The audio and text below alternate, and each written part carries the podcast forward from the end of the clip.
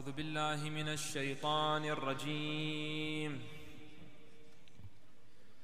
بسم الله الرحمن الرحيم. صلى الله عليك يا سيدي ويا مولاي يا رسول.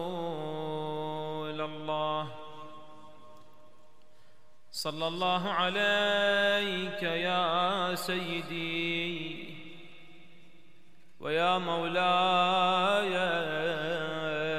يا أبا عبد الله. السلام على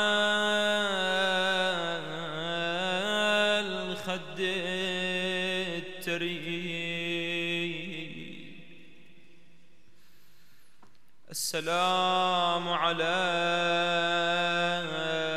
الشيب الخضي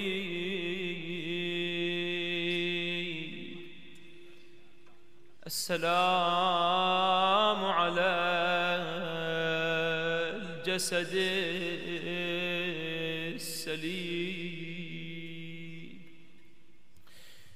يا غريب يا مظلوم كربلاء يا ليتنا كنا معكم. فنفوز والله فوزا عظيما.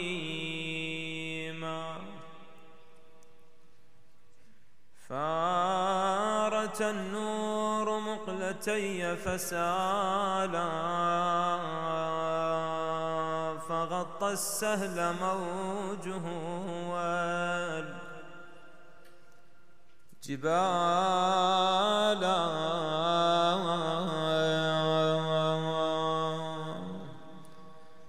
وطفت عليه سفينة وجدي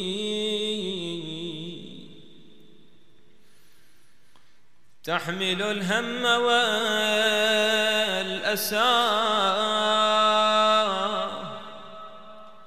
أشكالا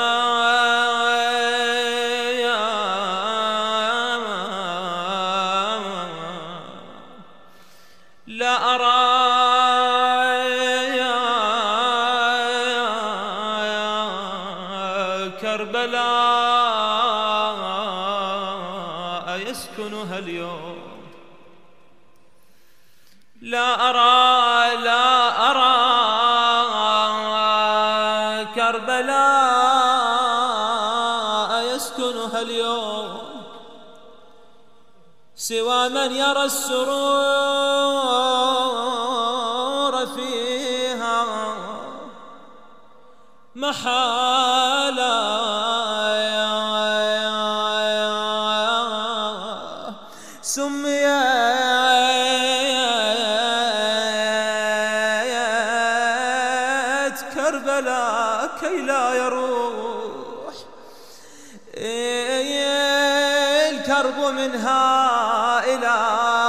سواها ارتحايا يا لا سيم فيها دم النبي سفاكا ليت شعري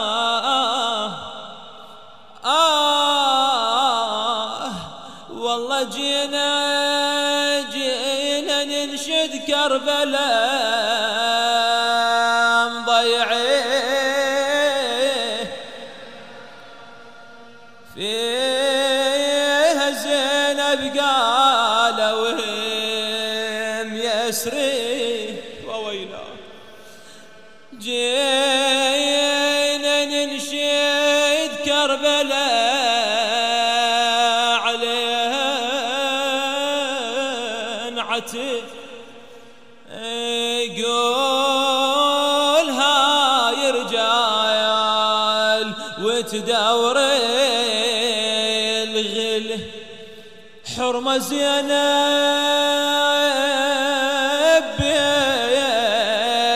بيش مطلوبة. فوق جت حسين ومسلبينها. كأني بزينب سلام الله عليها عندما شارف الضعن على أراضي كربلاء. التفتت إلى أخيها الحسين. تقول له لا حياة لا حياة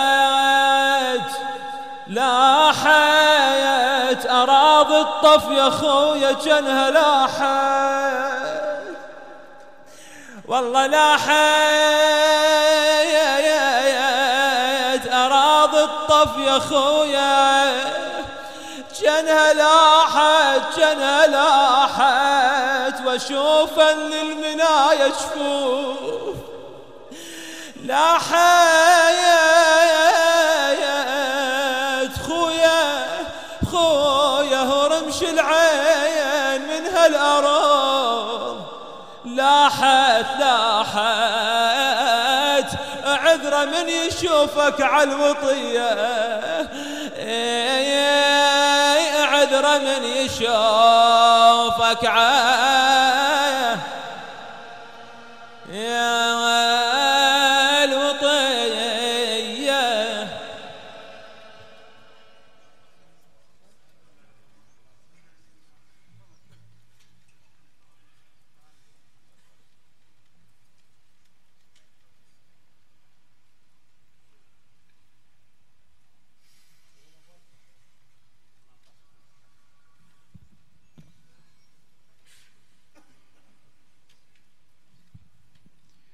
لكنما الأمر والحكم لله وسيعلم الذين ظلموا أي منقلب ينقلبون والعاقبة للمتقين. وما ربك بغافل عما يعمل الظالمون. جاء في زيارة إمامنا وسيدنا الإمام الحسن المجتبى.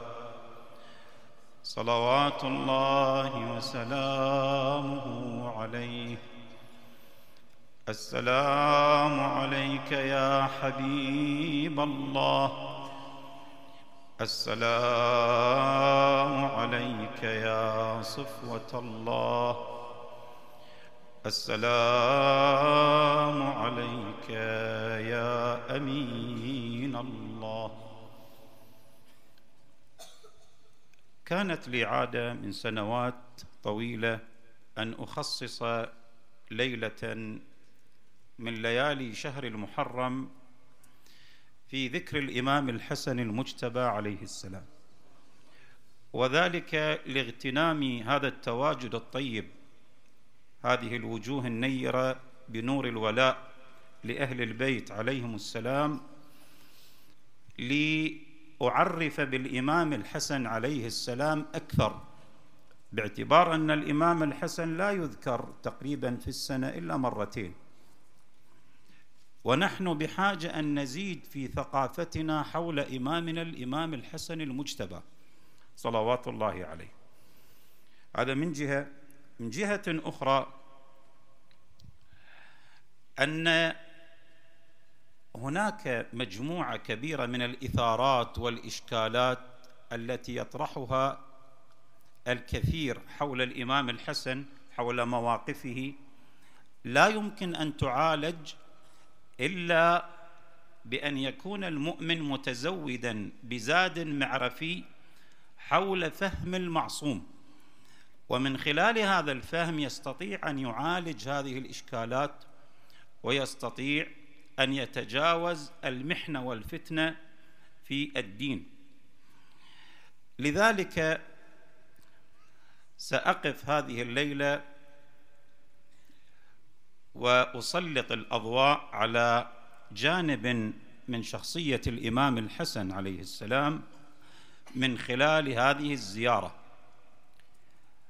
هذه الزيارة وصفت الإمام الحسن بثلاثة أوصاف أنه حبيب الله وأنه صفوة الله وأنه أمين الله. سوف أسلط الضوء على صفة واحدة لأن الحديث فيها شيق وله آثار مهمة. السؤال كيف نفهم هذا الوصف الذي وصف به إمامنا الإمام الحسن المجتبى عليه السلام؟ وما هي التداعيات والتموجات العقائدية التي ممكن أن نقف عليها من خلال فهمنا لهذا الوصف؟ يقع كلامي للإجابة على هذا السؤال في ثلاثة مقامات. المقام الأول حقيقة الحب الإلهي للعبد للعباد. ما هي حقيقة الحب الإلهي للعباد؟ نقول الله يحب فلان. ماذا نقصد بهذه المحبة؟ حقيقة الحب الإلهي لعباده. حتى نعرف حقيقة هذا الحب الإلهي سيقع كلامي في جهتين. الجهة الأولى هناك مفاهيم عقائدية يجب أن نقف عليها. عندما نقول أن الله يحب فلان أو رضي عن فلان أو غضب على فلان فماذا يقصد بذلك؟ إحنا المحبة والرضا والسخط والغضب. منا كمخلوقين هو انفعال نفسي. واحد يحب شخص يعني نفسه مالت إليه. عند رضا على شخص. له معنى مرتبط بالنفس. غضب أيضا له معنى مرتبط بالنفس. أيضا الكره وما إلى ذلك. هذه الصفات النفسية في المخلوق كلها ترتبط بمشاعر ترتبط بأحاسيس. والله سبحانه وتعالى منزه عن صفات المخلوقين. اذا عندما نقول أن الله يحب فلانا بأي معنى؟ طبعا بمعنى مختلف عن الحب بين المخلوقين لكن بأي معنى؟ يقول أهل الحكمة أن هذه الصفات النفسية التي تنسب إلى الله يعني أن الله يحب الله يغضب الله سبحانه وتعالى يرضى بصفات نفسية. هذا معناها هذه الصفات معناها لا يقصد به ما عند المخلوق بل يقصد به الآثار المترتبة عليها. يعني عندما نقول أن الله يحب فلان يعني يظهر آثار المحبة على ذلك المخلوق. إحنا عندما نحب شخص تميل نفوسنا إليه اولا ثم نظهر محبتنا له من خلال الاعتناء به الاهتمام به الإحسان إليه هذه الآثار آثار المحبة. عندما نقول أن الله يحب فلان يعني أن هناك اثارا الله عز وجل يظهرها على العبد كآثار للمحبة. أما الميل النفسي فالله مبرأ عنه. فإذا الصفات النفسية لله أو المنسوبة لله يقصد بها تجلي الآثار التي لها على العبد. فالمحبة من الله للعبد يعني تجلي آثار تلك المحبة بالإعتناء به بالإحسان إليه بالإهتمام به. وكذلك عندما نقول أن الله رضي عن فلان نفس الشيء.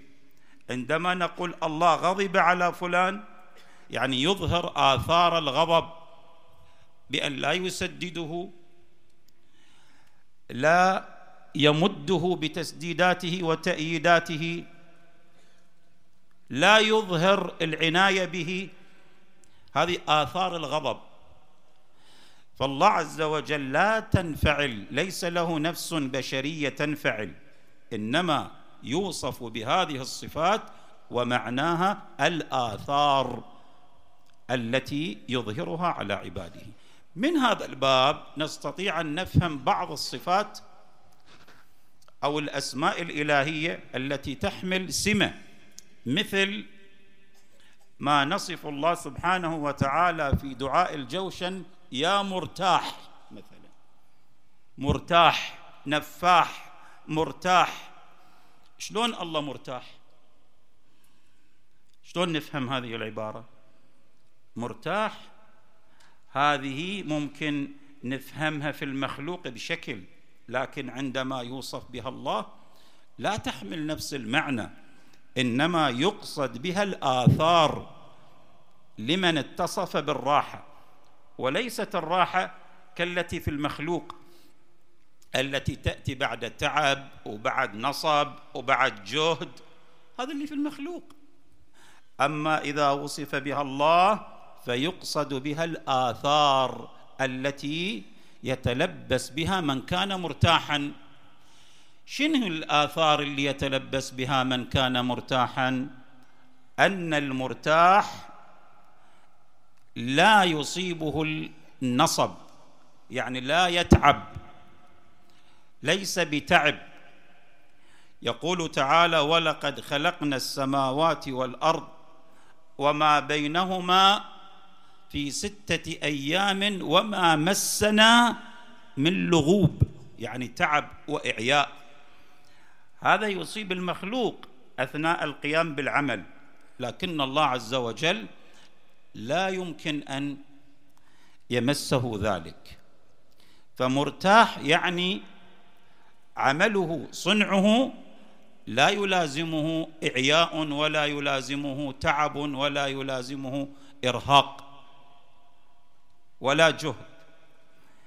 فاذا المقصود بتلك الصفات التركيز على آثارها وليس على مبادئها كما يقول أهل الحكمة وهي التي يجدها المخلوق في نفسه من الميل والانفعال وما أشبه. هذه المبادئ لا تصح على الله لأن الله ليس كالمخلوق حتى يوصف كما يوصف المخلوق.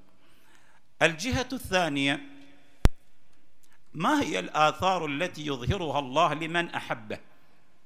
نقول الله يحب فلان ومحبة الله لفلان بمعنى إظهار آثار ذلك على المخلوق من البر له والاهتمام به والرعاية له.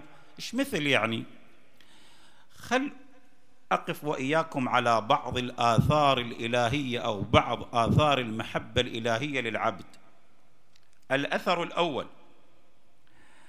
أن الله سبحانه وتعالى يقدمه على كثير من خلقه.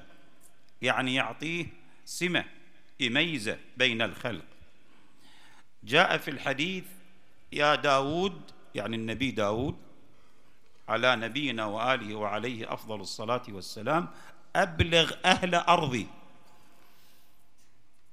أن من أحبني أحببته. أو أنا حبيب من أحبني.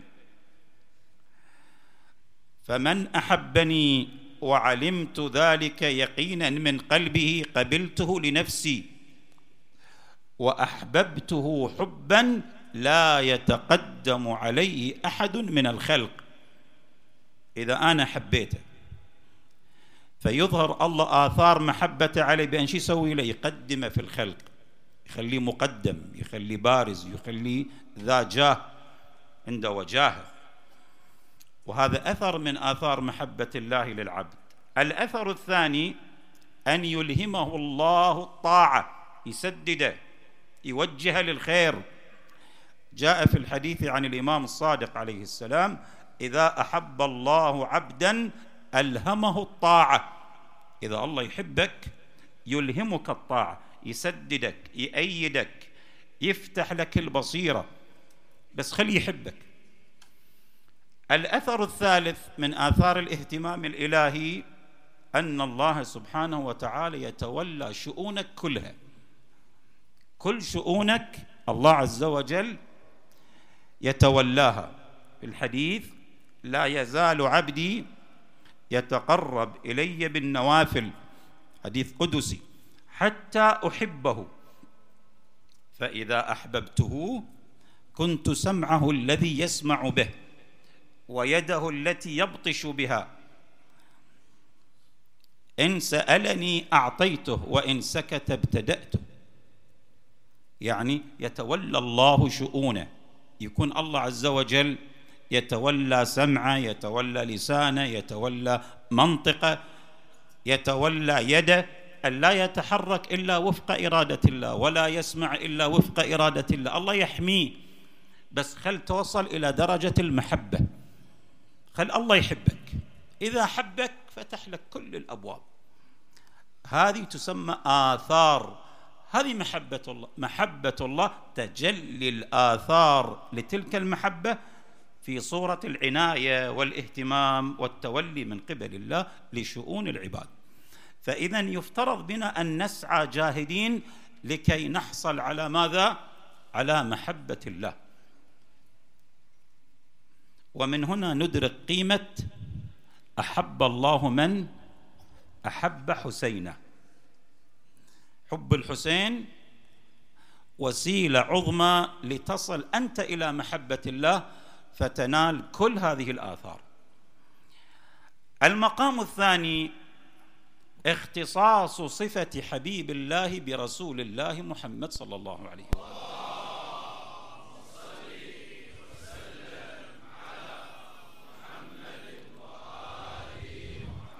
أن من وصف من قبل الله بأنه حبيب الله المطلق في العالم هو النبي محمد صلى الله عليه وآله.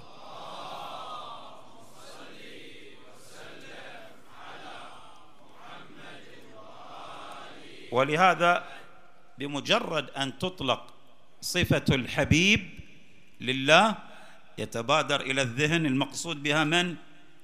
والنبي صلى الله عليه وآله. حبيب الله المطلق في كل العوالم الوجودية. والإمام هو النبي صلى الله عليه وآله.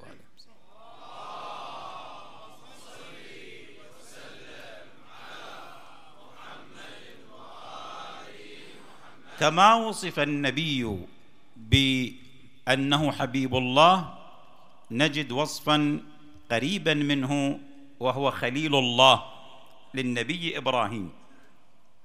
لكن فرقا كبيرا بين مقام المحبة ومقام الخلة. مقام حبيب الله أشرف من مقام خليل الله. ولعلنا ندرك الفرق في بيان حجم الآثار التي يظهرها الله على من أحب على حبيبه وحجم الآثار التي يظهرها الله على خليله. أكو فرق بين حجم الاعتناء والآثار. خل أقف وإياكم على مثالين. يقول الباري سبحانه وتعالى حكاية عن النبي إبراهيم. عليه وعلى نبينا وآله أفضل الصلاة والسلام. يقول إني ذاهب إلى ربي سيهدين. ربي هب لي من الصالحين. يعني أن إبراهيم أراد أن يصل إلى الله. قبل ما أذكر هذا المثال في عبارة لأهل لبعض أهل الحكمة يقول فيها أن الفرق الفارق الكبير بين الخليل والحبيب أن الحبيب يعطى قبل السؤال والخليل يعطى إذا سأل. الخليل إذا سأل الله يعطيه بس الحبيب يعطى قبل أن يسأل. وفرق بين الاثنين. المثال الأول إني ذاهب إلى ربي سيهديني ربي هب لي من الصالحين. إبراهيم أراد أن يذهب إلى الله أراد أن يصل إلى الله ولكن توسل بالذهاب إليه ليصل إليه حتى يصل. فيحتاج إلى وسيلة حتى يصل إلى الله سبحانه وتعالى. ويطلب من الله الوصول بالذهاب إليه. ولكنه عندما يتحدث الباري عن حبيبه المصطفى الله هو الذي يأخذ رسوله إليه. لا ان الرسول صلى الله عليه وآله حتى يصل هو الذي يتكفل بالذهاب. سبحان الذي أسرى. من الذي أسرى؟ الله. بس من اللي ذهب هناك؟ إبراهيم. إبراهيم هو الذي ذهب. لكن الإسراء من الذي أسرى بالنبي؟ هو الله. لاحظوا حجم والفرق بين الاعتناءين بين الحبيب والخليل. الخليل ذهب ولكن الحبيب أسري به. يعني هناك من تكفل بأخذه وهو الله. أما خليل الله هو الذي ذهب وهو الذي أصدر الفعل لكي يصل إلى الله. أما الحبيب فالله هو الذي تكفل بأن يأخذه إليه عن طريق الإسراء. سبحان الذي أسرى بعبده ليلا من المسجد الحرام إلى المسجد الأقصى. مثال آخر. إبراهيم الخليل قال في دعائه لله سبحانه وتعالى واجعل لي لسان صدق في الآخرين. يعني ذكر جميل بين الناس. خلي يا ربي ذكر جميل بين الناس. يذكروني بذكر حسن.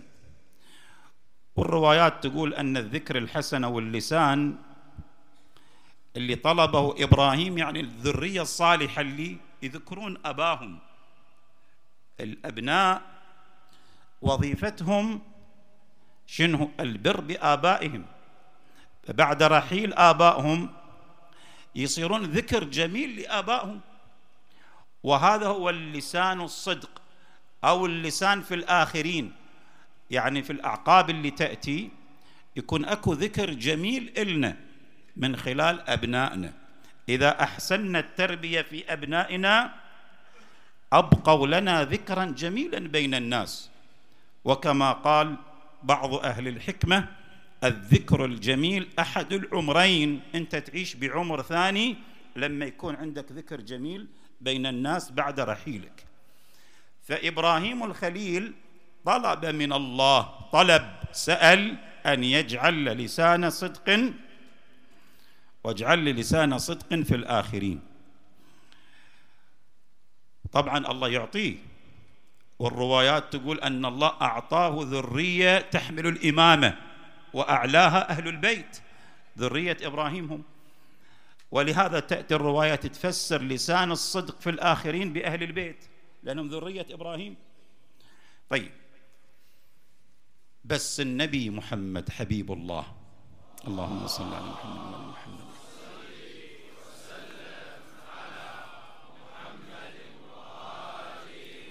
أعطي الذكر الجميل المترامي في كل العوالم دون طلب. ورفعنا لك ذكرك. من اللي رفع الذكر؟ الله. دون أن يطلب النبي ذلك. لأن النبي وصل إلى درجة حبيب الله. يعني أقصى درجة ووصف ممكن أن يوصف به العبد في العالم كله. وصل إليه الرسول الأعظم صلى الله عليه وآله. اذا هذه من مختصات النبي صلى الله عليه وآله. الجهة الثانية في هذا المقام هناك آثار أظهرها الله على حبيبه يكشف لنا عن مدى اعتنائه بالنبي بهذه القبسه النورية الوجودية المشرفة في العالم كله. فأتحف الله حبيبه المصطفى بجملة من المظاهر الاعتنائية الإلهية.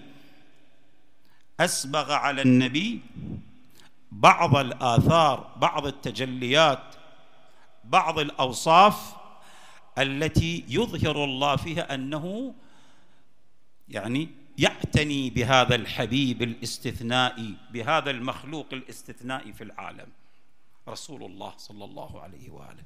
النبي محمد صلى الله عليه وآله.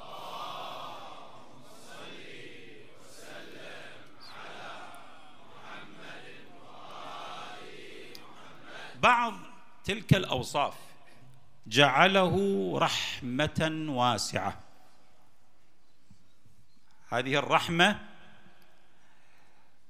ثوب وصفة إلهية أسبغها الله على هذه الذات المحمدية.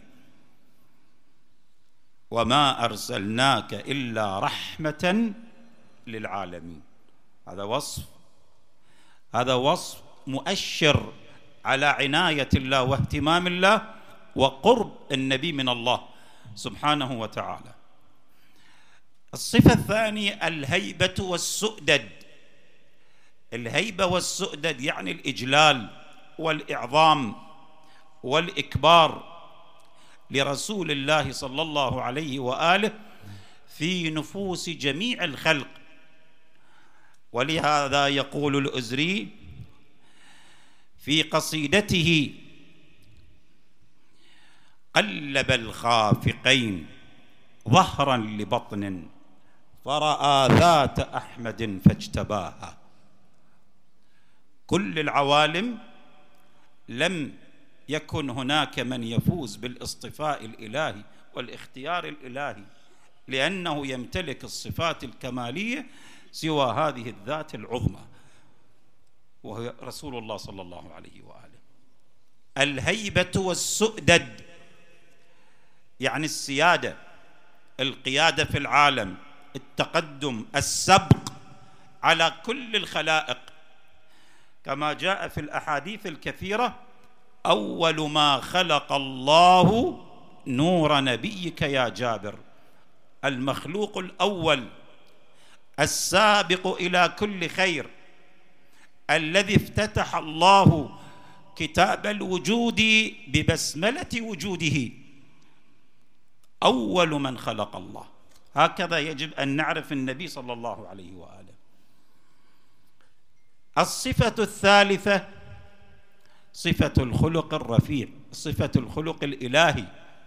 أدبني ربي فأحسن تأديبي. هذه منحة إلهية وإنك لعلى خلق عظيم. كل هذه الصفات هي آثار عناية الله بأشرف خلق خلقه.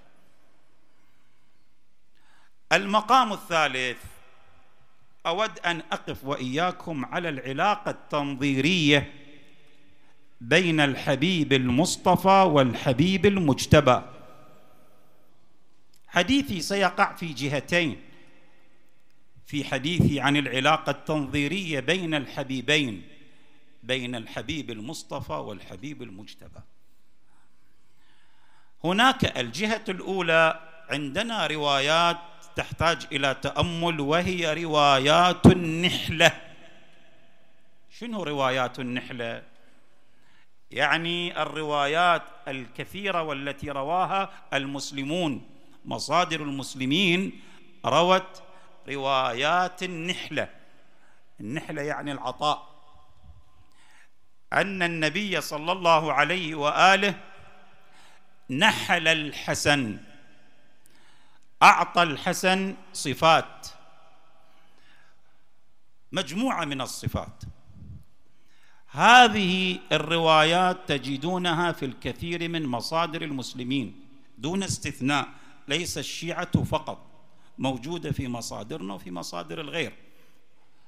راجعوا غير كتبنا إحنا لأن هذه الروايات واضحة في كتبنا. المعجم الأوسط للطبراني مجمع الزوائد للهيثمي كنز العمال للمتقي الهندي. أيضا غير من هذه الكتب ستجدون أن النبي الأعظم كان يكثر من حديثه عن نحلة الحسن والحسين عليهما السلام. أعطيكم بعض هذه الروايات. الزهراء عليها السلام دخلت على أبيها رسول الله صلى الله عليه وآله في مرضه الذي كانت فيه شكواه فقالت أبه أعط ولدي هذين وفي نص آخر أنحلهما وفي نص آخر ورثهما يعني أعطهما شيئا. فقال النبي الأعظم صلى الله عليه وآله أما الحسن فله هيبتي وسؤددي. وأما الحسين فله جودي وجرأتي. وفي نص آخر أن النبي قال وأما الحسن فله الهيبة والعلم. وفي نص آخر له الهيبة والحلم. هذه الروايات تسمى بروايات النحلة.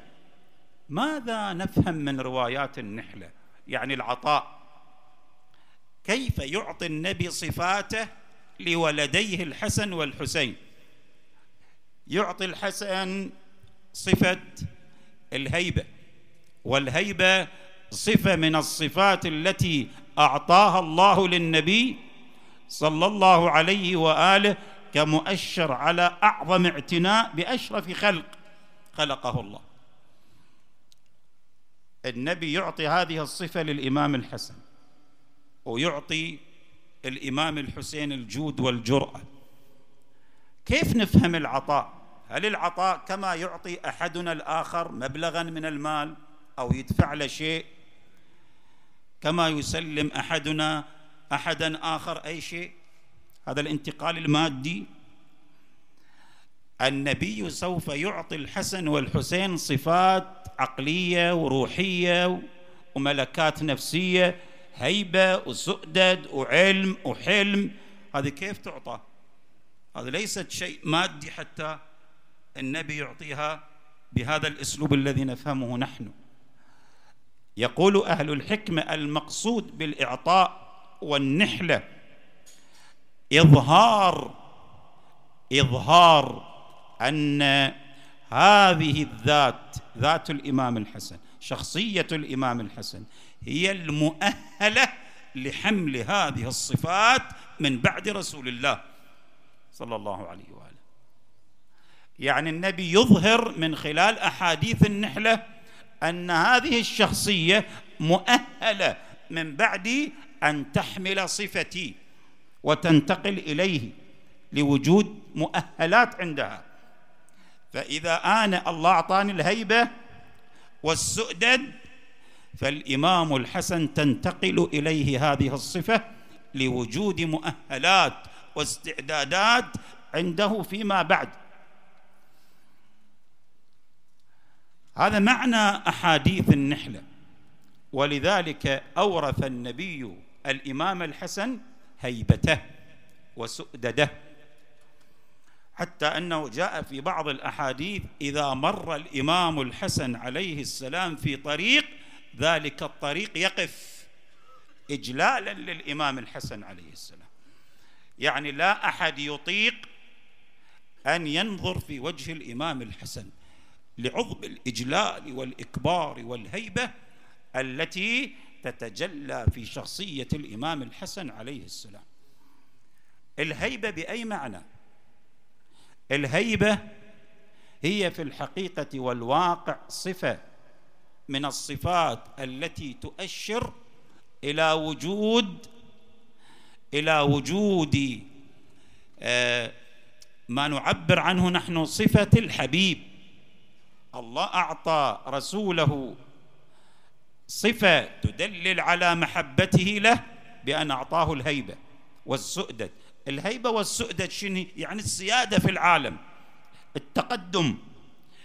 وهي بين قوسين الإمامة. أن يكون هناك إمام يقود الناس نحو الله يقود الأعمال حتى تصل إلى الله. كان يقوم بهذه المهمة رسول الله صلى الله عليه وآله. والنبي يقول أن ابني هذا يرث مقامي في سيادته لأنه حبيب الله من بعدي. فلئن أعطاني الله صفة الحبيب لكي يعطيني بعدها تلك الصفات من الرحمة من السؤدد والهيبة من الخلق الرفيع فمن بعد ابني الإمام الحسن يحمل نفس الاستعدادات لتلك الصفات. فالإمام الحسن حبيب الله صفة تبلور صفات النبي الأعظم صلى الله عليه وآله في الإمام الحسن. ولذلك نقول أن الإمام الحسن صلوات الله عليه نال من رسول الله أعظم الأوسمة حينما وصل إلى درجة حبيب الله. الجهة الثانية والأخيرة نحن عندما نستعرض جميعا هذا الحديث عن الإمام الحسن عليه السلام ما هي الفوائد التي نجنيها أو نجنيها؟ أكو فوائد عديدة. من أهمها أننا نطور عقائدنا وثقافتنا حول أهل البيت. يعني مثلا أنا أستغرب من مجموعة من المحدثين من غير الشيعة عندما يستعرضون نحلة النبي لهيبته وإعطاء الإمام الحسن هيبته. هذه موجودة في مصادر المسلمين. هيبه بأي معنى والسؤدد بأي معنى؟ يعني السيادة. السيادة يعني الزعامة والقيادة والتقدم كما تقدم النبي بهيبته وسؤدده على الكل. الإمام الحسن كيف أخر؟ كيف أخر؟ إحنا نطور عقائدنا من خلال هذه الروايات من خلال فهم هذه الروايات. يعني جزء منا يتصور أن روايات النحله وباقي الروايات هذه هي روايات أشبه ما تكون بمناقب كرامات وما إلى لا هذه روايات معارف. روايات عقائد بس في صورة مناقب. إيش معنى يعطيه الهيبة والسؤدد؟ أوقف لازم لازم تعرف معنى إعطاء الهيبة والسؤدد التي هي كواشف مقام حبيب الله. معنى له سيادة له إمامة. وكيف أخر الإمام الحسن عليه السلام بعد أبيه؟ كيف؟ ولذلك هذه تطور مفاهيمنا العقائدية. البحث في مثل هذه الروايات بشكل دقيق أو بنسبة ما من الاهتمام تطور علاقتنا بأهل البيت. هذا من جهة. من جهة أخرى أكو فائده أخرى وأختم بها. أن مثل هذا الفهم لشخصيات أهل البيت أو للروايات التي جاءت في حقهم هي في الحقيقة تزودنا وتوفر لنا أدوات معرفية لكي نعالج بها الإشكالات اللي يطرحها البعض حول موقف المعصوم الفلاني وحول الموقف الكذائي. الإمام الحسن ليش صالح؟ مثلا. أو اللي يقولون الإمام الحسن يختلف عن أخيه الإمام الحسين الإمام الحسن كان متسما بالضعف في شخصيته. على خلاف أخيه الإمام الحسين كانت شخصيته قوية. الإمام الحسن لأنه ضعيف شخصية صالح والإمام الحسين لأنه قوي شخصية وقف. كلام هذا نسمعه إحنا ونقراه. بس إحنا لما نكون مزودين بفهم لمقام المعصوم ومزودين بفهم حركة المعصوم وطبيعة مرتبة المعصوم نقدر نعالج هالإشكالات. شنو ضعف هذا الذي يرث مقام الهيبة والسؤدد والسيادة في العالم من رسول الله فيكون حبيبا بعد الحبيب الأعظم. هذا ممكن أن يوصف بالضعف في شخصيته؟ لا يمكن أن نقبل ولا يمكن واحد يتأثر بهذا الطرح. بس متى ما يتأثر؟ إذا ممتلئ بالعلم والثقافة العقائدية حول الإمام المعصوم فيحمي نفسه. وما إلى ذلك هذه مثال طبعا. مثال. ممكن أنت تعالج باقي الإشكالات أو ال ال الإثارات التي أثيرت حول الإمام الحسن عليه السلام. نسأل الله عز وجل أن يزيدنا معرفة بهم وأن يعيننا على أداء حقوقهم وأن يبصرنا بفهم ما يقومون به في سبيل هدايتنا صلوات الله عليهم أجمعين. الإمام الحسن بموقفه وفر الأرضية الصالحة لقيام الإمام الحسين عليه السلام. ولولا الإمام الحسن وتهيئته تلك لم يستطع الإمام الحسين أن يقوم بما قام به وأن ينجز هذا الإنجاز الكبير الذي هدف من خلاله إلى إحياء الدين من جديد. وهذه التضحيات التي ضحاها الإمام الحسين التي صنعها والإمام الحسن عليه السلام.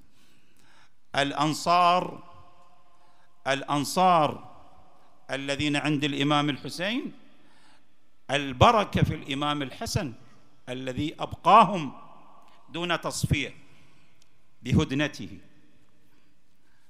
فوفرهم للإمام الحسين عليه السلام. وبهم خرج الحسين صلوات الله عليه لإحياء الدين.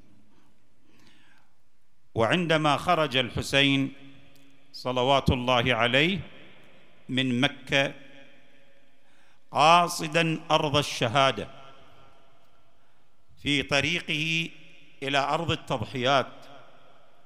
الرواية تقول أن الحسين عليه السلام سمع صوت التكبير من أصحابه. فقال الحسين لم كبرت؟ فقال إني أرى رؤوس النخيل. يعني نخيل أمامنا. فقال بعضهم نحن نعلم بهذه المنطقة ليس فيها نخيل. الحسين عليه السلام قال اعيدوا النظر حققوا فيما رأيتم. وإذا بواحد من أصحاب الإمام الحسين قال إني لا أرى إلا أطراف الأسنة وآذان الخيل وقال الحسين إني أرى ذلك. وهل هناك ملجأ نلجأ إليه نجعله خلف ظهورنا ونواجه القوم بعد ذلك؟ فقالوا له دونك ذو حسم يعني مرتفع من الجبل من الجبال حتى يجعل الإمام الحسن ذلك المرتفع خلف الإمام الحسين ذلك المرتفع خلف ظهره فيحمي نفسه. فانثنى رحل الحسين إلى ذو جشم أو ذو حسم وإذا بالحر يطالع الحسين في زهاء ألف فارس. لما اقترب الحر قام الحسين قائلا لأصحابه اسقوا القوم ورشفوا الخيل ترشيفا. خلق رسول الله. وبالفعل عملوا بوصية الإمام الحسين عليه السلام. نزل الحر عند الإمام الحسين وأخبره بهدف مجيئه. قال إني قدمت حتى أنزلك حتى أنزلك الكوفة. حتى تأتي معي إلى الكوفة. الحسين عليه السلام رفض ذلك ولا زال الحر يحاول بدبلوماسية معينة أن يقنع الإمام الحسين. والحر رجل عسكري وعقلية عسكرية حاول يتفاوض مع الإمام الحسين عليه السلام. حتى حان وقت صلاة الظهر. أمر الإمام الحسين الحجاج بن مسروق أن يؤذن فأذن الحجاج. قال الحسين للحر أتصلي بأصحابك أم تصلي معنا؟ قال بل نصلي بصلاتك يا ابن رسول الله. ولعل هذا الموقف من الحر من أسباب توبة الحر. نحترم الإمام الحسين عليه السلام. المهم بعد أن صلى الحسين بأصحابه دعا عقبه بن سمعان قال علي بالخرجين اللي فيهما كتب أهل الكوفة. قرأ الحسين عليه السلام على الحر مجموعة من هذه الكتب. قال أنا لست ممن كتب إليك فيهم. أنا مهمتي أن أخذك إلى الكوفة. الحسين عليه السلام رفض ذلك. وقال إلى ذلك دون ذلك الموت. رفض فقال الحسين والله لا أتبعك والحر يقول والله لا أدعك. فركب الحر على فرسه وقال له الحسين إلى أين؟ قال سألجئك إلى الكوفة. قال والله دون ذلك الموت. فاصطكت الخيل بالخيل والرجال بالرجال فتروعت قلوب الفاطميات. فقال الحسين من منكم يعرف الطريق على غير الجاده فقال الطرماح أنا سيدي قال أذن لي أن أمسك بزمام ناقة زينب. واحدو لأريح الناقة. يا ناقتي لا تذعري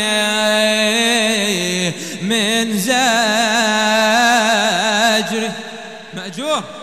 وشمري قبل طلوع الفا بخير فتيان وخير سيف. أهل رسول الله آل الخير. يا مالك النفع معايا.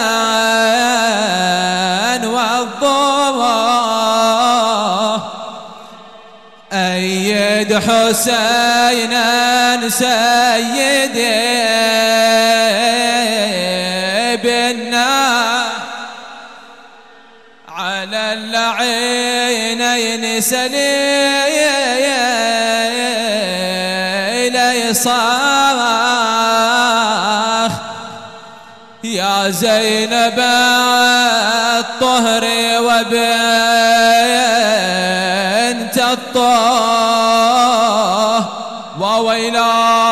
وويلاه ألا استعدي لسيايات زجر.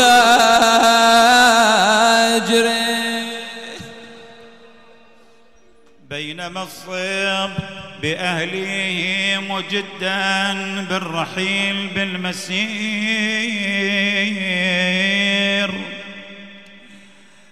فإذا الداعي ينعم ويدعو ويشير إن قدام مطاياهم مناياهم تسير ساعة إذ وقف المهر الذي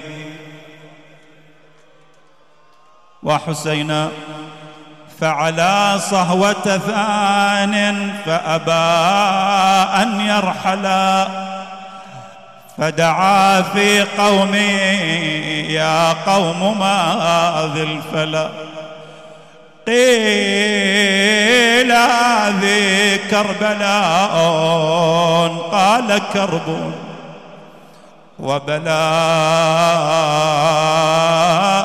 خيموا إن في هذه الأرض ملقى العسكري. الحسين دعا بفرس آخر لم يتحرك. دعا بفرس ثالث لم يتحرك. حتى ركب سبعة أفراس. عندها قال أصحابي ما تسمى هذه الأرض. قال بعضهم تسمى الغاضرية. قال ألا اسم غير هذا؟ قالوا تسمى نينوى. ألا اسم غير هذا؟ قالوا تسمى العقر. قال أعوذ بالله من العقر. ألا اسم غير هذا؟ قالوا تسمى قال وإن كان هذه كربلاء بشرب بلايا ونزلوا ترى لاحت يلا علامات المنى. لازم بجانبها النهار نقضي ضمان وتصير موطس دورنا بالأعوجية. ها هنا محط رحالنا ها هنا تقتل رجالنا. ها هنا تسبى نساؤنا. صاحت زينب ومصيبتها. يلا ويا زينب قلبها مرتاع. تقول خويا وصوبنا. قبل ترحلون. قبل على القبر على الغبر. على الغبر. تنا. يا عباس يا خويا من تنور العيون. خويا حرمة وغريبة لا تضيعوا نزلوا عن خيولهم للمنايا وقصارى هذا النزول صعود.